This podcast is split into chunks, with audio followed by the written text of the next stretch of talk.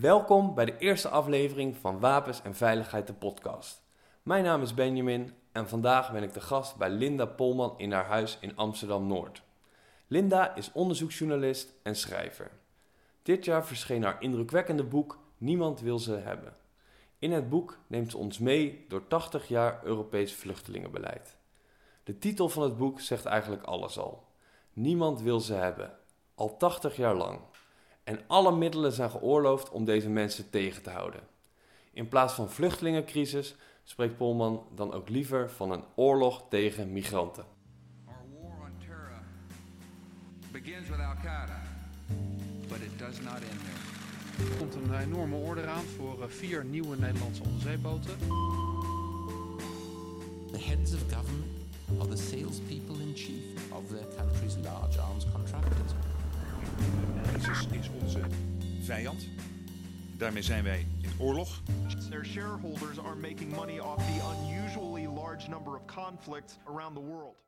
In deze podcast analyseren we het gebruik van het woord veiligheid. Want of we het nu hebben over klimaat, migratie, conflict of terrorisme, deze zaken worden vaak simpelweg neergezet als veiligheidsissues. Ongeacht de dieperliggende sociale, economische of politieke oorzaken. Complexe zaken worden op deze manier teruggebracht tot problemen die simpelweg met wapens kunnen worden opgelost. Dit is een podcast van de organisatie Stop Wapenhandel. Stop Wapenhandel gelooft dat conflicten en andere problemen niet simpelweg op te lossen zijn met wapens. Sterker nog, dit verergert meestal de problemen. Elke podcast bespreken we een ander onderwerp binnen het thema veiligheid. Vandaag gaan we het hebben over migratie en veiligheid. Op welke manier wordt er gesproken over migratie? Wat is het huidige migratiebeleid? En zijn wapens daadwerkelijk een oplossing? Wil je doorpraten over migratie en veiligheid? Kom dan op 10 november naar de ACU in Utrecht. Zie de show notes of stopwapenhandel.org voor meer informatie. Welkom in de podcast, Linda. Dankjewel. Wat was voor jou de aanleiding om dit boek te schrijven? Uh, de aanleiding was dat ik in 2015, net als heel Nederland, aan de buis gekluisterd zat met die enorme golf van migranten die er naar Europa kwamen. Al die bootjes, die rubberbootjes die vanuit Turkije naar Griekenland kwamen. Um, ik, heb, ik zat er naar te kijken en, en bij, dat waren honderdduizenden mensen die in een hele korte tijd kwamen. En ik, was, ik, ik heb jaren gekeken naar humanitaire hulp. Het, het circus van de humanitaire hulp, wat van het ene vluchtelingenprobleem naar het volgende vluchtelingendrama trekt. En ik ben, was gewend dat vluchteling, een vluchtelingendrama van dat formaat, van honderdduizenden mensen, dat daar zomaar 200 uh, uh, hulporganisaties op afkwamen. Mm -hmm. En ik zag in Griekenland zag ik een nul. En dat vond ik zo merkwaardig dat die mensen daar kennelijk aankwamen en dat niemand ze daar opwachtte, dat niemand daar opvang aan het regelen was. Jij was op zo'n eiland en je zag iedereen wordt aan zijn lot overgelaten. Ja, dat zag ik op tv. Dus ja, oh. uh, ik ben maar naar, naar Lesbos afgereisd uh, om te kijken of het waar was of, of mijn waarneming juist was. En het bleek inderdaad zo te zijn. De UNHCR, de Vluchtelingenorganisatie van de Verenigde Naties, die had een soort symbolische aanwezigheid daar. Er liepen daar acht mensen rond en die hadden één tent opgezet, weet je wel, voor zichzelf. Mm -hmm. En uh, er was uh, Artsen zonder Grenzen zat er met één klein mobiel kliniekje. En uh, Tineke Zelen van Vluchtelingen, Vluchtelingenwerk Nederland, Vlucht, Stichting Vluchtelingen Nederland, die liep daar rond, weet je wel. En meer was er niet. En toch spoelden die honderdduizenden mensen aan. Dus ik ben gaan onderzoeken wat er aan de hand was. Wat, wat de reden ervoor was waarom al die hulporganisaties niet kwamen. En toen kwam ik erachter dat dat vluchtelingenprobleem, dat, was, uh, het op, dat, dat is zo'n chaos geworden uit een soort beleid van Europa. Um, um, kijk, die vluchtelingen die kwamen al heel lang naar Griekenland. Dat was, uh, dat was al ver voor 2011, kwamen ze al voordat die Mhm. oorlog in Syrië begon. Nadat die oorlog was begonnen, kwamen ze in grotere getalen. Er kwamen er ieder jaar meer naar Griekenland. Um, en Griekenland heeft nooit iets voorbereid. En Europa heeft ook nooit iets aan gedaan aan die, aan die, aan die vluchtelingenstroom die alleen maar groter werd. Dus wat wij in 2015 zagen, dat was alleen maar de, de, uh, de grote uh, uh, explosie daarvan. Ja. Maar, maar de, het voorbereidende werk daarvoor was al lang Dat gebeurd. was er al. Ja, ja. En Dus je- ik vond het merkwaardig. En toen, en toen ben ik gaan, uh, gaan onderzoeken dat dat inderdaad beleid was. Het is opzettelijk. Is dat in, in, in chaos eh, eh, hebben ze dat laten, on- laten ontaarden, die eh, Europese lidstaten. Ehm, en die vluchtelingen zitten daar tot op de dag van vandaag om andere vluchtelingen af te, af te schrikken. Ja, het is beleid om, Ja, om ze niet te helpen, erbarmelijke La- omstandigheden laat, te laat laten die staan. enorme, maar laat die enorme, dat drama, laat het maar enorm leed zijn. Laat het maar zo vies mogelijk zijn. Laat het maar zo goor mogelijk zijn. Eh, ook om andere vluchtelingen af te schrikken, maar ook om Europeanen te laten zien hoe gevaarlijk het wel niet was. Ja. Dat al die vluchtelingen kwamen, want wij hadden het Want niet in de hand. we kunnen het niet aan, ja, we hebben het niet, in, de hand. Precies. En dat, dat, dat, was dus, dat is dus het gevaar voor de nationale veiligheid. Dus Mhm. ja, het was beleid. Ja, je schrijft ook in je boek ehm, dat, je, dat we zelden iets horen over die achterliggende politieke context en de oorzaken van dat drama. Wat bedoel je daar precies mee? Nou ja, dat, dat eh, eh, de media. ehm, eh, ik, heb niet, ik ben zelf journalist, maar ik heb niet zo'n hele hoge pet op van journalistiek. De media, journalisten, die, die, die, die doorgronden het probleem vaak niet. Ehm, ehm, journalisten staan al heel snel in, de, in, die, in dat narratief van politieke leiders. Namelijk dat het ook inderdaad gevaarlijk was en dat wij het niet in de hand hadden. Eh, en dat we niet wisten wat we binnen hadden met al die vluchtelingen. Het waren allemaal illegale. Het werd ook heel snel werd het niet eh, vluchtelingen genoemd, maar migranten. Weet je wel? Ja. Want bij vluchtelingen horen rechten en bij migranten horen geen rechten. Mhm. Dus eh, die beelden, media. van, beelden van hekken die omver worden gegooid en Ja, bootjes die aankomen. En dan de politie moest daar tegen optreden, weet Ja. je wel. Dus die mo- moesten die mensen weghouden met, met traangas. Dus eh, dat waren, het waren vreselijke beelden. En de media zaten al heel snel in dat narratief van, van de politiek. Namelijk dat we hier te maken hadden met een probleem van Europese veiligheid. Die moest verdedigd worden tegen deze migranten die naar Europa kwamen. Want we, we- inderdaad, het gaat over vluchtelingencrisis, migranten, stromen. Deze termen wekken ook de indruk dat, er, dat het Europa overkomt. In Ja. plaats van dat we, er zelf iets, dat we er ook zelf iets aan bijgedragen hebben. Nou, reken maar, ja. Ja. Dus wa- wat, wat, wat, wat speelt taal ook voor rol? Nou, dat is heel belangrijk. Eh, het moet geframed worden. Hè? Je, m- mensen, de tv-kijker moet snappen waar hij naar kijkt. Dus je kunt, je kunt er inderdaad een humanitair drama van maken, maar je kunt het ook neerzetten als een veiligheidsprobleem. Ja. En dat is wat we hebben gedaan met die crisis sinds 2015. Want wat is het iets wat ons is overkomen of hebben we daar zelf ook aan bijgedragen? Ja, we hebben er enorm aan bijgedragen. Kijk, als je kijkt naar de grootste vluchtelingenproducenten van de afgelopen decennium of zo. Dat is Somalië, is dat de- traditioneel, dat is sinds 2015 is dat eh, Syrië eh, en dat is eh, Afghanistan. Nou, in, in al die drie oorlogen vechten wij mee. Mhm. Dus wij, wij, wij hebben daar wel degelijk een aandeel aan. Onze wapens en onze bombardementen, die veroorzaken vluchtelingenstromen en die komen onze kant op. Onze interventies en onze wapenexporten, Ja. miljarden aan wapens die naar het Midden-Oosten zijn gegaan bijvoorbeeld. Ja, en Die- dat al heel erg lang, hè? Want eh, Syrië, dat is dan sinds 2015 is dat dat migrantenprobleem. Maar wij, wij, wij pompen die wapens in Noord-Afrika en in het Midden-Oosten. Pompen wij als, al sinds de Koude Oorlog, pompen wij die wapens daar naar binnen. Die wapens worden nog steeds gebruikt en al die wapendeals die bestaan nog steeds. Dus het zijn wel degelijk onze wapens die daarin gezet worden. Ja, en dan, als het dan wordt geframed als iets wat ons overkomt, zo'n vluchtelingencrisis, dan is dat... Nee, die hele link wordt niet gelegd, hè? ja. Maar dat vind ik sowieso in de journalistiek. Hè? De journalistiek heeft heel weinig verstand van de wapenhandel, van onze wapenfabrikanten. Er zijn, er, er zijn nauwelijks de, eh, journalisten die daar deskundig in zijn. We lezen heel erg weinig over die wapenhandel. Het is nooit ontrafeld op een toegankelijke manier. Dus de, de wapenhandel speelt zich af in een soort, in een soort eh, vacuüm, in een duister vacuüm waar wij niets van af weten. Dus het is een, zo, zo houden ze het ook, houden ze het Mhm. ook graag natuurlijk. Dus dat is iets wat we, daar hebben wij het overzicht niet op. Wij, wij snappen niet wat die wapenhandel doet. Maar ja, Amerika is, is eh, ehm, eh, eh, traditioneel de allergrootste wapenhandelaar, de allergrootste wapenfabrikant. Maar de Europese landen bij elkaar Komen op opgehaald. twee. Die zijn de tweede plaats. Ja, ja, ja. en ook naar het Midden-Oosten. Ja. En, ook naar En daar hebben wij dat, dat, dat, het verband tussen onze wapenhandel en het leed in deze wereld, dat leggen wij Die leggen wij niet. Nee, nee. Nee. Hoe komt dat dat we dat niet leggen? Want in jouw boek schets je eigenlijk ook eh, twee perspectieven als het gaat over, over vluchtelingen. We hebben het idee dat, we, eh, dat ons beleid in het buitenland bijdraagt aan mensenrechten, aan eh, dat we het goed proberen te doen in de wereld.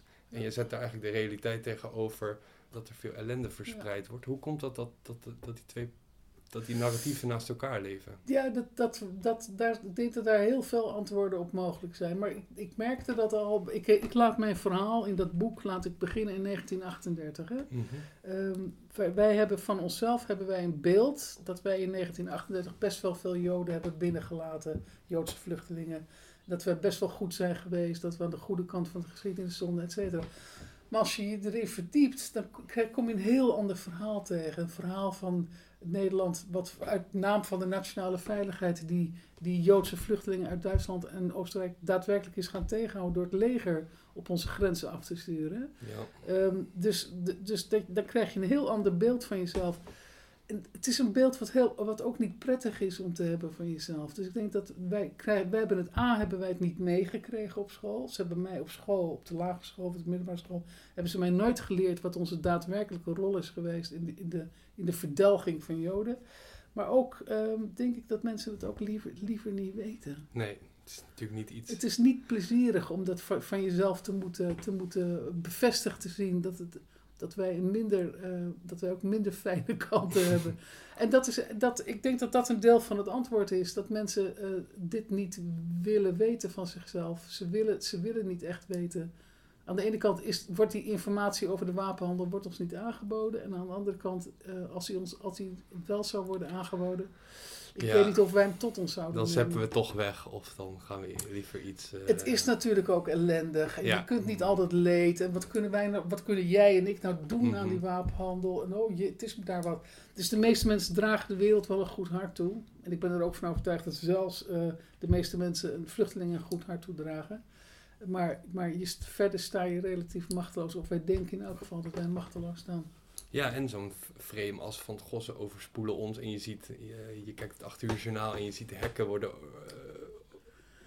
ik bedoel van die beelden die... die, die, die, ze, die- ze, ze, ze verschaffen zich met geweld toegang tot Fort Europa. Ja, Mhm, dat is Ja. het beeld dat gecreëerd wordt. ja, ja. ja. En leiders, EU-leiders, spreken ook van, als het over dat beleid gaat, over migratie- of veiligheidsmanagement.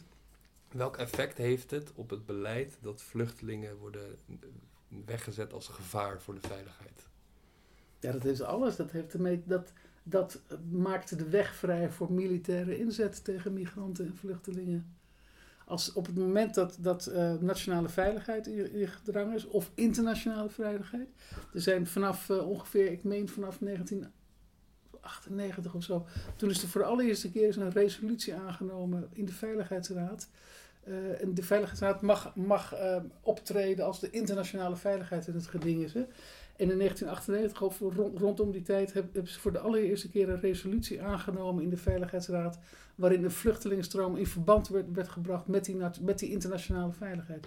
Dus vanaf dat moment was het eh, geoorloofd om daar legers op af te sturen. Om die vluchtelingen te beschermen. Of om die vluchtelingen de, de een andere kant op te dirigeren. Ehm, ehm, en vanaf, vanaf dat moment zijn er ook voortdurend resoluties aangenomen. Omdat men inzag hoe handig het was om daar legers op af te sturen. Ja, Ja, als je het woord veiligheid gebruikt, verschaft dat ineens een mogelijkheid om, om militaire ja middelen precies. In te zetten. Ja, ja, ja. Omdat, ja, het gaat dan het gaat vooral om onze Het veiligheid. gaat om onze veiligheid natuurlijk vaak. En dat, eh, Ja. en dat moet verdedigd worden. En dat Ja. is- is versimpelt het, het, eh, het probleem. ja. Nou, toen heb je in de jaren negentig heb je ook een hele serie eh, militaire interventies gehad in vluchtelingenstromen. Dus we hebben eerst direct en indirect die vluchtelingenstromen veroorzaakt. Somalië en eh, Rwanda en Haiti. Dat zijn allemaal conflicten, conflicten geweest waar wij een grote rol in hebben gespeeld. En eh, toen is er een hele serie eh, humanitair-militaire interventies is er geweest in die vluchtelingenstromen. En die hebben die vluchtelingenstromen voornamelijk tot stilstand gebracht. Ze hebben ervoor gezorgd dat die mensen eh, of geen vluchteling werden door ze in hun eigen land te laten Mhm. zijn. Want om een vluchteling te zijn moet je een internationale grens oversteken. En anders ben je alleen maar internally displaced. Dan ben je ontheemd. En er horen hele andere rechten bij als bij vluchtelingen. Dus hebben die vluchtelingen hebben ze heel vaak met militair ingrijpen, hebben ze ze ingekapseld in hun eigen land. In, in kampen die door de UNHCR werden neergezet. En die soms werden beschermd door, door VN-blauwhelmen Ja, bijvoorbeeld. dus zulke interventies hebben met name ehm, onze veiligheid eh, dienen ze en niet de veiligheid van de mensen daar, zeg maar. En, en, vaak was dat ook heel indirect, want ik bedoel, een vluchtelingenstroom in Rwanda, uh, uh, die, die bereikt niet zomaar Europa, weet je wel. Maar ze, ze kunnen wel uh, een keten van chaos ontketenen. die, als, als er zoveel mensen op de vlucht slaan, dan ga je de landen waar ze naartoe gaan, of de gebieden waar ze naartoe gaan, die ga je ook ontregelen. Dus dan kan er een keten van gebeurtenissen zijn, -hmm. die uiteindelijk, denken wij, gaat eindigen in een enorme golf naar Europa toe. Dus het heeft direct en indirect heeft het te maken met onze veiligheid, ja. En hebben die interventies in de jaren negentig, of het nou gaat over militaire interventies of ontwikkelingshulp, uh, hebben die ook altijd hebben die geleid tot meer stabiliteit? Nee, helemaal niet. Uh, ik ken de voorbeelden niet van landen waar dat toen goed is gegaan. Maar het voornaamste is, ik heb wat, wat die landen, die, die, wij, wij hebben die toekomst van die landen niet, niet in handen. Weet je, als je, mm -hmm. daar, als je daar 500 of 5000 blauwhelmen naartoe stuurt, dat heeft geen enkele invloed op hoe het, hoe het een land verder nee. vergaat. Zij plakken tijdelijk een pleister ergens op. Ze onderdrukken een bepaalde, een bepaalde beweging van vluchtelingen. Maar zodra die blauwhelmen weggaan, of zelfs tijdens als ze er nog zijn, dan gaat mensen toch weer lopen, omdat mensen nou eenmaal hun eigen leven willen redden. Dus nee, dat heeft geen invloed gehad. Helemaal niet omdat al die blauwhelmoperaties, die moesten ook echt op een koopje.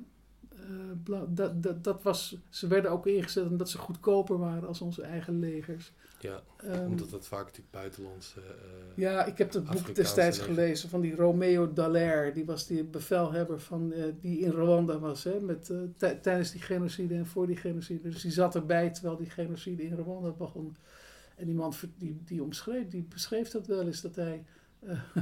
Dat hij, hij, hij kreeg van New York, het, het hoofdkantoor van de VN in New York, kreeg hij geen meubilair voor zijn, voor zijn, voor zijn personeel. Dus die lagen op de grond, lagen ze hun rapporten te schrijven.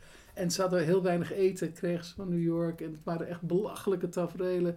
Op het moment dat die genocide begon, was hun munitie op. Ja. Dus ja, je kunt het je nauwelijks voorstellen. Ja. Maar dat zijn dus het soort, dat is de kwaliteit geweest van die, van die interventies in die ja. tijd. Uh, bedroevend slecht en, en, en schijnveiligheid creëren. Ja. Uh, en en niet, onze, niets achterlaten. Ja, met ja. name onze belangen dienen. Korte, kort, korte termijn. Precies. Wij, en, en wij kunnen ook weer uh, on, onze, onze geweten sussen. Want immers, wij hebben ingegrepen. Iets gedaan, ja. Dus ja, en als ze er dan alsnog een puinhoop van maken, ja, dat is echt hun eigen schuld. Weet ja. je wel? Ja. En um, ja, we hebben het, dus die framing, de vluchteling als gevaar, heeft tot een bepaald beleid geleid. En heeft, hoe ziet dat beleid er nu uit, dat Europese vluchtelingenbeleid? Wat zijn de belangrijkste pijlers? belangrijkste spelers. Um, het, het, wat de, de grondslag is dat we, ze, dat we ze hier niet willen. Mm -hmm. Wij doen er alles aan om ze, um, om ze weg te houden van de Europese kusten. Um, en dat doen wij op verschillende manieren. Een van die manieren is het inkapselen van dat probleem. Uh, dat heet het containmentbeleid. Dat is inderdaad letterlijk vluchtelingenstromen tot stilstand brengen door, door in te grijpen. Mm -hmm. Dat, die, dat ingrijpen kunnen we uitbesteden aan lokale regimes bijvoorbeeld. Dan komt er een vluchtelingenstroom op weg naar Ethiopië en dan sturen we daar het Ethiopische leger op. Wij sturen het Ethiopische leger daarop af Mhm. om die vluchtelingenstroom tot stilstand te brengen. We zetten tenten voor die mensen neer en die mensen blijven daar. Dat is het containmentbeleid. Je kunt ze dus uh, proberen te stoppen. Je kunt ze proberen voordat om ze te Europa leiden. al bereiken, eh, proberen ze te ja stoppen joh, er zitten er echt. door eh, wapens te leveren Ja. aan, aan leiders daar. Of, Ja, of door, door deals met ze te sluiten. ja. Die deals met Ethiopië die bestaan al sinds de jaren 80. Sinds de jaren 80 is daar een enorm vluchtelingenprobleem. Dus dat is een, eh, een, eh, een, een pijler van, dat, van het beleid. Een andere pijler dat is zoveel mogelijk mensen repatriëren van, vanuit die kampen. Ehm, dus mensen terug zien te krijgen naar, naar, naar hun eigen vaderlanden. Ja, of, in ieder, of in ieder geval terug naar hun eigen land, laat ik het zo zeggen.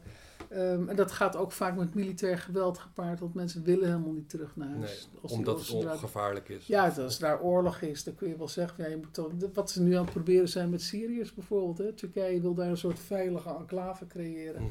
om Syriërs terug te kunnen sturen naar Syrië. Die mensen willen dat niet. Terecht, die hebben er echt wel redenen voor om dat niet te willen. Dus die kampen die, die zien er natuurlijk ook zo, die zijn zo erbarmelijk mogelijk om, om, om mensen maar te stimuleren om daar niet te blijven. Ja, en soms wordt ook letterlijk gewoon eh, het, de, de, de aanvoer wordt af, afgesneden. Ja. dan krijgt eh, de UNHCR krijgt de op- en het World Food Program krijgen opdracht om op te houden met eten uitdelen bijvoorbeeld. Dus dan moeten mensen weer gaan lopen, anders komen ze om het leven. Ja. Ja, Dus die opvang in de regio, daar plaats je eigenlijk ook v- ja, natuurlijk plaats ik. En hoe, hoe verder in de regio, hoe droeviger het is. Ik noem die kampen, noem ik vergeetgaten.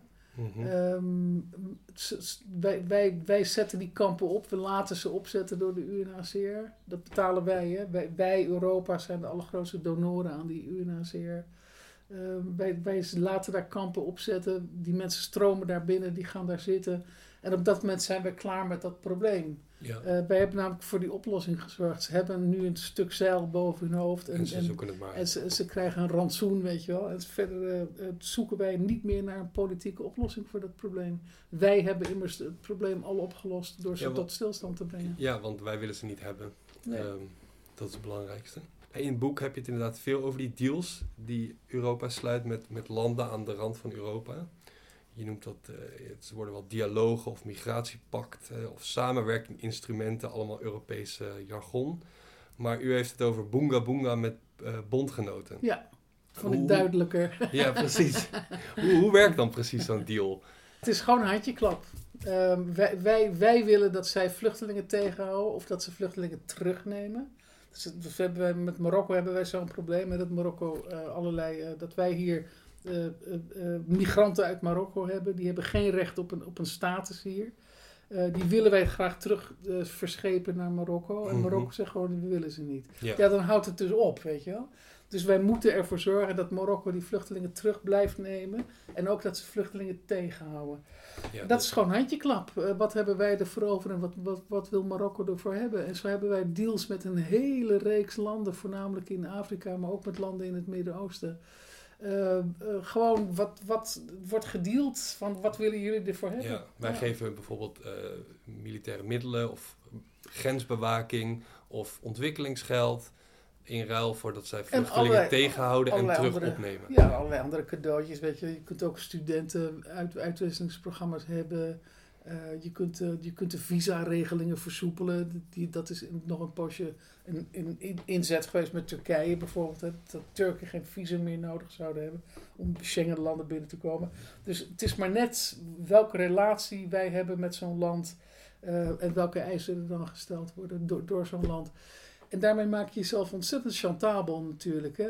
Marokko bijvoorbeeld, onlangs nog, hè, dan is het Marokko opeens niet genoeg meer. En dan zetten ze die kraan van vluchtelingen zetten ze een beetje open. En dan worden Mhm. wij paniekerig. Dan gaan we weer met ze onderhandelen. En dan geven ze weer een paar douceurtjes. En dan gaat die kraan weer dicht. Ja. Dat zie je met Turkije ook. Turkije zet op dit moment die kraan bijna voluit open. Hè. Er komen duizenden mensen weer binnen in Griekenland. Dat is omdat Turkije bezig is met onderhandelingen met Europa over, over deze Ja, deals. dus vluchtelingen worden op die manier een speelbal, politieke wordt wisselgeld. Wordt wisselgeld, Ja, ja. ja. ja, je houdt, zij houden ze vast. En op het moment dat zij iets van willen van Europa, gaat die kraan open. Ja. En Libië is ook een goed voorbeeld waar, waar veel, bijvoorbeeld wij trainen die eh, Libische kustwacht. En wij leveren daar, daar eh, middelen aan. Wij, wij faciliteren daar opvang van die vluchtelingen. Wat voor effect heeft dat, zo'n deal? ja, dat is in, in, in, Op lange termijn, zeg maar. Ja, in prijzen van menselijkheid is dat afschuwelijk wat we daar aan het doen zijn. Ehm, wij, wij betalen die kustwachten wij, en wij sluiten een deal met. eh, we hebben deals gesloten met die, met die regering die daar aantrad nadat Gaddafi was opgeruimd. En met Eh, Gaddafi ook al natuurlijk, maar met de nieuwe Gaddafi regering weer. ja. ja, ja, ja, ja, ja. Dat ging heel makkelijk, die, dat overschakelen voor, van Gaddafi naar die andere regering. Dus wij, wij, wij betalen ze, wij houden die mensen te vriend om vluchtelingen terug te nemen. Want dat is een enorm probleem. Hè? Vluchtelingen die al in Italië zitten, of vluchtelingen die op zee worden, worden opgepikt. Ja, dus dan moet Libië ze wel terug willen, weet je Ja. Anders houdt dat op. Hè? Dus eh, ze kunnen flinke prijzen vragen. En wat en ze, de, die, Italiaan, of die eh, Libische kustwacht, die, die haalt heel veel mensen uit zee. We hebben het bijna helemaal uitbesteed aan Libië. Er varen bijna geen Europese schepen meer. Er zijn nog een paar, paar Europese reddingsschepen, maar kustwachten en zo, die Ja. varen daar niet meer. Dus, en eh, Nederlandse, Nederlandse schepen, bijvoorbeeld Dame Shipyards, eh, heeft, heeft meerdere boten geleverd aan, aan Libië. Ja, dus die, die dat- verdienen daar gewoon eh, Tuurlijk, inderdaad aan. Tuurlijk, ja. ja. Ehm, dus, maar dat is dus, dat is, Libië is, is, in het bijzonder heel erg vreed tegen die vluchtelingen die teruggebracht worden naar, naar Libië. Ze gaan allemaal stuk voor stuk gaan ze naar een detentiecentrum. Het is dus niet zo dat ze daar in een opvang, opvanghuis terechtkomen. Ja, het is gewoon gevangenis. Ze gaan allemaal naar een detentiegevangenis. Um, en daar, en, en er zijn uh, Amnesty International en Médecins Sans Frontières en Human Rights Watch, die hebben heel veel gevallen gedocumenteerd waarin marteling bewezen is in die kampen. Ze, ze, ze, ze tekenen getuigenissen op van die mensen dat ze daar op een vreselijke manier behandeld worden. Er is al een, zo'n detentiecentrum is al gebombardeerd, weet je wel. Dus dat zijn vreselijke uh, uh, oorden. Um, afgezien nog van het feit dat vluchtelingen geen misdadigers zijn, dus je mag ze helemaal niet opsluiten. Dus alle mensenrechten, alle vluchtelingenrechten worden met voeten getreden in Libië. En, en toch flikken wij, wij van Europa, flikken het om te zeggen, ja, maar dat is het probleem van Libië, weet je. Ja. Zij doen dat, wij hebben daar niks mee te maken. Dus ja, dat is een, Terwijl wij hebben onvoorstelbaar, we hebben alles mee, het is een onvoorstelbare hypocrisie. Um, um, en de Europese, de Europese Mensenrechtenraad heeft ook terecht geconcludeerd dat uh, Europa de dood heeft geaccepteerd als effectief anti-migratie-instrument. Ja. ja. Ja, ik vind dat alle perken te buiten gaan. Uh, Europa heeft al zijn, uh, zijn, zijn, zijn, prachtige traditie van mensenrechten en van, van internationaal recht. Zijn ze aan het verkwanselen en, en aan het Loze woorden. Ja. ja. Ja. En op lange termijn, zeg maar, zulke deals wat heeft dat voor effect als we bijvoorbeeld kijken naar het in stand houden van autoritaire uh, regimes? Want het, het, leveren van wapens of ontwikkelingsgelden aan regimes waar een autoritaire leider of groep aan de macht is, zo kan je die natuurlijk ook verstevigen. Ja, ja, dat is ook zo. Dat kan natuurlijk met ontwikkelingshulp kan het ook, hè? Ja. Met wapen, je kan het met wapens doen. Je kan, vaak doen we het ook allemaal tegelijk. Allemaal tegelijk, Hele pakketten, ja, weet je wel. Daarmee houden wij regimes in stand die uh, mensenrechten schenden waardoor mensen op de vlucht moeten. Ja, dus op lange termijn is het natuurlijk ook helemaal geen oplossing. Nee, nee, nee. We, we, houden regimes in stand die ervoor zorgen dat er hongersnoden zijn in die landen vanwege wanbeleid of opzettelijk veroorzaakte hongersnood. Ook weer als Om maar die stromen door, ja, ja. door te laten komen. Ja, dus uh, wij, uh, wij creëren zelf een probleem waar we dan vervolgens pleisters op gaan plakken. En um, in plaats van vluchtelingencrisis spreek jij liever van a war on migration of oorlog tegen migratie. Zie je het Europees beleid echt als oorlog? Nou, als er zo ontzettend veel wapens gaan naar het tegenhouden van deze mensen, ja. dan denk ik wel dat er sprake is van een oorlog, ja. Want nu heb je het ook over echt de hekken die geplaatst worden, de, de, de, de drones die boven de Middellandse de, Zee de vliegen. NAVO-vloot de... die daar rondvaart. Uh, het bewapenen van, van partijen die met ons meevechten in deze war against migration. Um, ik denk dat het, wel een, uh, dat het wel een oorlog is, ja. Dat we het wel een oorlog mogen noemen, ja. Want ik sprak gisteren met mijn collega Wendela en die zei, uh, ik sprak in de jaren tachtig, hadden ze al veel discussie over die krijgsmacht die zich telkens aandient als zeg maar op oplossing voor een probleem. En toen spraken ze ook over van, nou, je zal zien dat over 20, 30 jaar of krijgsmacht zich ook ingezet gaat worden tegen uh, vluchtelingen. En toen zelfs de kritische mensen die zeiden van, nou dat lijkt, dat lijkt me echt niet dat, dat, dat we geweld in gaan zetten om vluchtelingen tegen te houden. En twintig jaar later zijn we daar gewoon echt. Mm. Hoe kan dat dat in zo'n korte tijd geweld ineens een legitiem middel is om, om zo'n vluchteling tegen te nou, houden? Nou, weet je, ik ben me helemaal rot geschrokken toen ik mij ging verdiepen in die periode van 19, uh, uh, rond 1938, waar dat verhaal begint in mijn boek. Uh, in 1933 kwam Hitler aan de macht. En in, en in 1942 was het allereerste vernietigingskamp er. Ja, dus in korte tijd. Dus een hele korte tijd, weet je wel. Ik zeg ook in dat boek van die, het aanleggen van de Noord-Zuidlijn heeft veel langer geduurd dan dat. Dus die, die verandering van, van in zo'n samenleving. En, en, Duitsland was een van de meest geavanceerde landen ter wereld. Hè? Ja. De meeste Nobelprijzen waren naar Duitse wetenschappers gegaan. Geciviliseerd, ja. Mm-hmm. En binnen acht jaar, weet je wel, waren daar vernietigingskampen. Dus ik, ik zie dat soort veranderingen heel snel gebeuren. Ja. Daar is niet zo idioot veel voor nodig. En helemaal niet, hè, nu, nu met, met kijk, antisemitisme in die tijd was normaal, hè. Dus het was, kennelijk was het heel makkelijk om, om mensen dit ook normaal te laten vinden. Dat, dat het antisemitisme, het antisemitisme, semi, antisemitistische eh, sentiment. Dat kon heel makkelijk omgezet worden in, oh, dan In ze, mogen best, ze mogen best vernietigd worden. Ja. En dat zie ik nu ook met die migranten, het anti-migratie, het anti-migrantengevoel wat er is in heel Europa.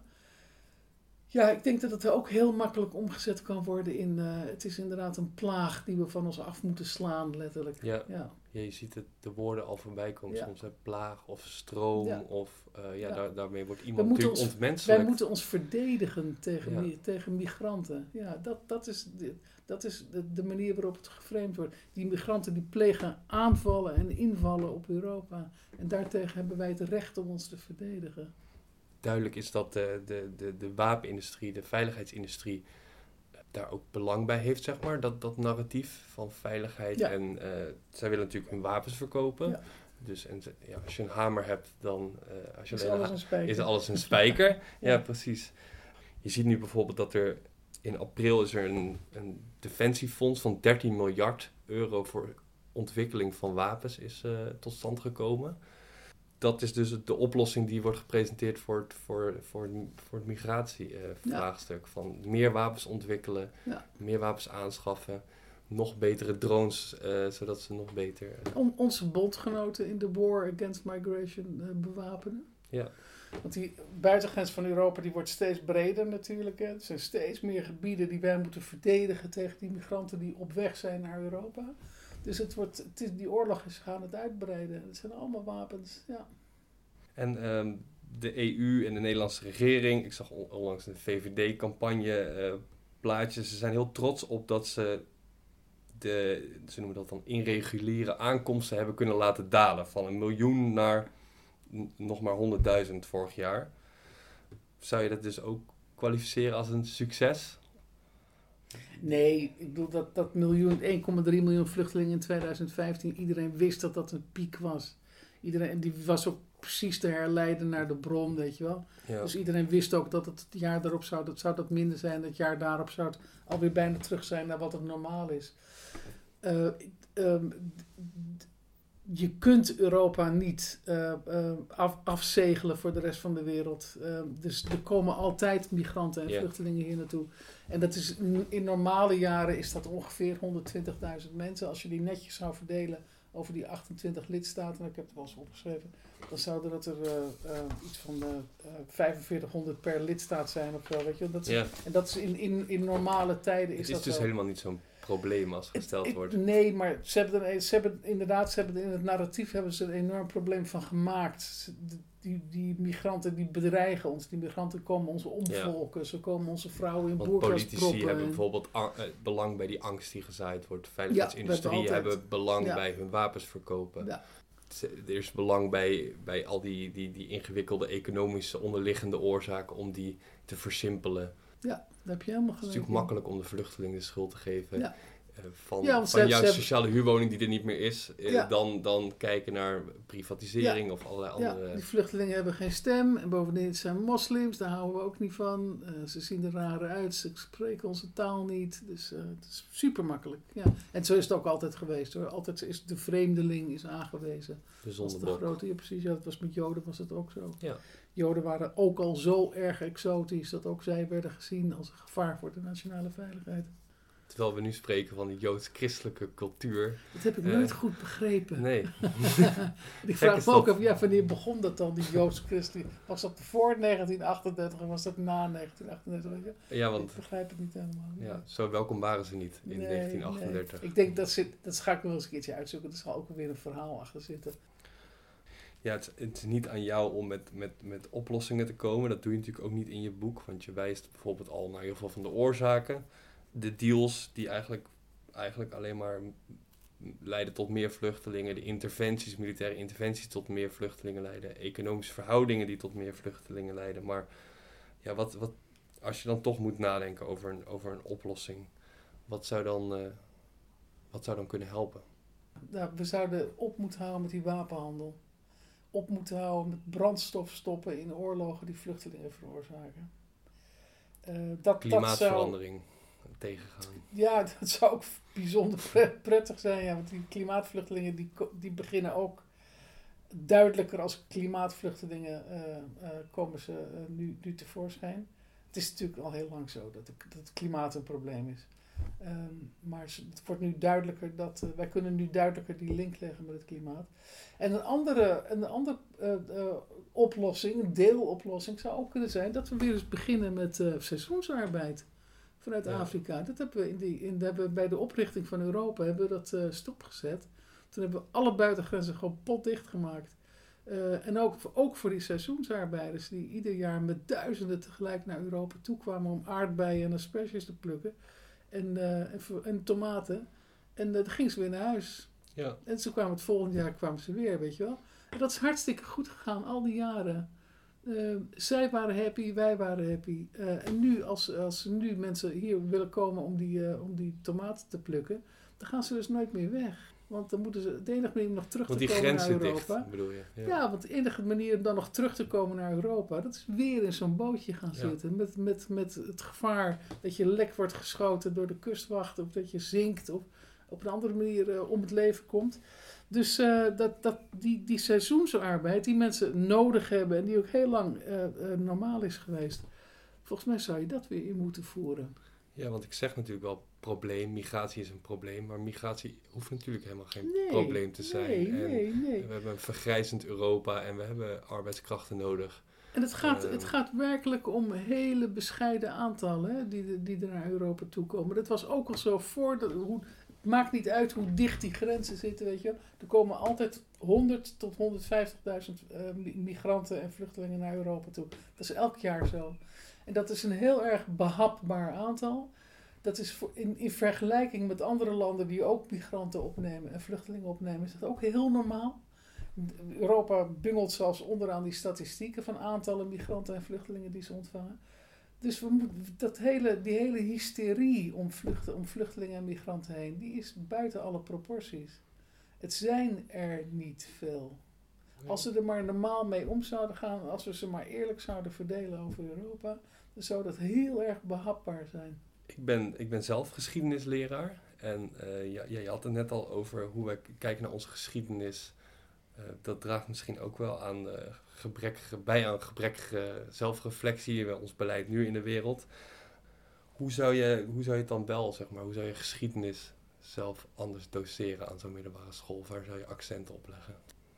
Nou, ik zou om te beginnen zou ik veel meer kijken naar het gehele en niet naar de vaderlandse geschiedenis, maar heel erg naar Europa als continent. Hoe heeft Europa het gedaan? Ik denk dat dat eh, goed, goed zou zijn, dat we het grotere geheel zien en niet alleen maar weten wat, wat er bij de slag bij Nieuwpoort eh, gebeurde. Ehm, en ja, ik zou die, ik vind die geschiedenis sinds de tweede, de moderne geschiedenis sinds de Tweede Wereldoorlog vind ik heel erg belangrijk. Hoe heeft die Tweede Oor- Wereldoorlog kunnen gebeuren en hoe zou het nu weer kunnen gebeuren? Dus veel sterker die link leggen Ja, naar, nu. wat je in je boek ook doet eigenlijk. Ja. Dat je dus Ja. gewoon 80 jaar bekijkt. En, eh, Dan gaat het leven, weet je wel. Als je weet wat er toen gebeurde. En dat is onze, onze meetlat ook, hè. Onze, onze mo- mor- moralistische meetlat. Dat is altijd die Tweede Wereldoorlog. Wij, wij meten alles af aan die Tweede Wereldoorlog. En als je je realiseert dat wat wij... Wat wij eh, ehm, wat- het grote schrikbeeld van die Tweede Wereldoorlog... als je je realiseert dat het nu zich aan het herhalen is... Ik denk dat dat, dat dat mensen heel erg bij de les zou houden. Letterlijk bij de les zou houden. Als je, als je de geschiedenis zich, zich ziet herhalen. Ja, ja. Maar dan moeten we wel kritisch naar die geschiedenis kijken. En, uiteraard. en, ja. en k- kijken naar in jouw boek van, nou, hoe, hoe gingen we om met, met, met ja. onze Joodse ja en, en, en hoe gingen wij om met het nazistische regime? Want dat hebben we ook laten gebeuren, weet je wel. Er is in die tijd is er helemaal geen enkel Europees land geweest wat Hitler erop heeft aangesproken. nee, We hebben altijd hebben we onze, onze, onze eh, zakelijke relatie hebben we met Hitler hebben we belangrijker gevonden als het mensenrechtenbeleid. En dat doen we vandaag de dag doen we dat nog steeds. En nu dus kijken ja. we terug van hoe heeft dat kunnen gebeuren. Dat zou nu nooit meer kunnen gebeuren. Maar je ziet dat nu ook langzaam eh, verschuiven. Ja, dat, dat- geweld dat normaler wordt. Dat mensen onmenselijk Ja. worden. En, ja, eh, en dat wij met de meest vreselijke regimes, zonder met onze ogen te knipperen, deals sluiten. Wij vinden andere zaken, onze militaire belangen, onze economische belangen, vinden wij veel belangrijker dan het mensenrechtenbelang. Ja, dat was toen zo en dat is nu ook zo. Ja. Nou, bedankt Linda eh, dat je de eerste gast wilde zijn in de podcast. Alsjeblieft. Dit was de eerste aflevering van Wapens en Veiligheid, de podcast. Wil je meepraten over migratie en veiligheid? Kom dan op 10 november naar de meetup in de ACU in Utrecht. De ACU is een politiek café en op zondagavond kan je hier goedkoop en lekker eten. Voor het eten zal Mark Akkerman vertellen over zijn nieuwe onderzoek naar militarisering van de Europese grenzen. Ook komt Anne Dekker van Sea-Watch vertellen over de situatie op de Middellandse Zee. Meer informatie over de meetup en het onderzoek van Stop Wapenhandel vind je op onze Facebookpagina of op onze website stopwapenhandel.org. Bedankt voor het luisteren en vergeet je niet te abonneren zodat je onze volgende podcast ook kunt beluisteren. Tot ziens!